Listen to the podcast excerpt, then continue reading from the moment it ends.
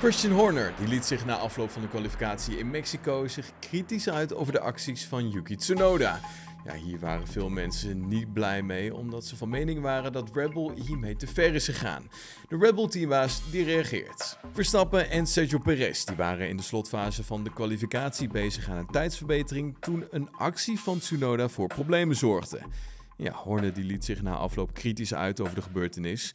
Nou, wat er nou precies misging, hij zei namelijk, we werden getsunoda, zo zei hij tegenover Sky Sports. Ja, veel mensen die vonden het niet zo netjes van Horner dat hij zich zo uitliet over een coureur uit het juniorenprogramma van Red. Maar goed, volgens de Brit zijn de opmerkingen echter wel een beetje uit zijn verband getrokken en is het zijn goed recht om een oordeel te vellen over een andere coureur.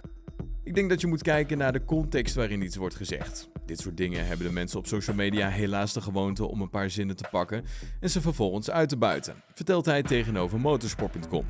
Ik denk dat het een behoorlijke saaie wereld zou zijn als je niets kunt zeggen over de prestaties van een coureur. Gaan we door naar een Netflix nieuwtje van Carlos Sainz en MotoGP-rijder Marc Marquez. Die zullen te zien zijn in het laatste seizoen van hitserie La Casa de Papel. Ja, de twee coureurs die zouden al lang fan zijn van de populaire televisieserie en hebben deelgenomen aan de opnames.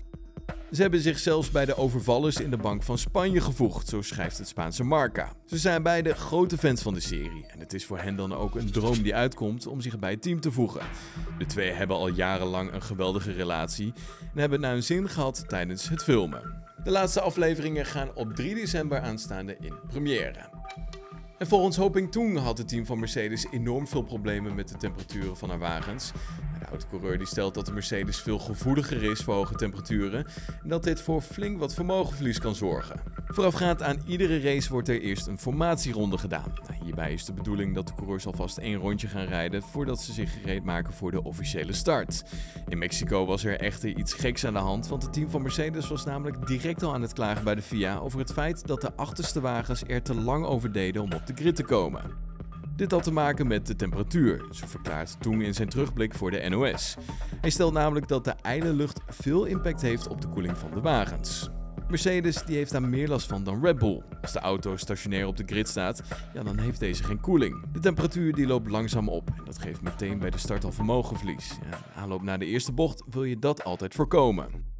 Het viel toen op dat Mercedes gaandeweg de race last van koelingsproblemen begon te krijgen. Ja, hierdoor werd het voor Bottas bijna onmogelijk om voorbij te gaan aan Ricciardo, met als gevolg dat hij vast bleef zitten op het middenveld. Nou, opvallend was dat Bottas al snel besloot om in de slipstream van Ricciardo te gaan rijden.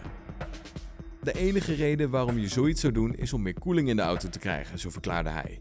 Ja, bij de teamgenoot van Bottas ging het overigens niet veel beter. Hamilton die gaf op een gegeven moment aan dat hij klem zat achter Lando Norris, waardoor Perez dan weer in rap tempo dichterbij kwam. Pas toen hij door de blauwe vlag aan de kant ging, kon Hamilton weer een gat trekken. Ja, dat harmonica-effect kwam aan het einde van de race weer terug toen hij Kimi Raikkonen in het vizier kreeg. Volgens Toen is het dan ook heel simpel. De Mercedes die was hier in Mexico heel gevoelig voor temperatuur. Hamilton meldde over de boordradio ook dat zijn auto een melding gaf van oververhitting. Ja, dat is natuurlijk geen goed teken en het geeft aan dat die auto's behoorlijk kritiek waren. Deze ochtend keken we naar de constructeurs, dus nu is het tijd voor de coureurs. Ja, we nemen even het lijstje met je door wat de stand nu is in het wereldkampioenschap. En ja, met de overwinning in Mexico loopt Verstappen nog maar in 7 punten uit op titelconcurrent Lewis Hamilton. Waardoor het gat in het voordeel van de Nederlander vergroot wordt tot 19 punten. Ook teamgenoot Sergio Perez die doet uitstekende zaken in zijn thuisland.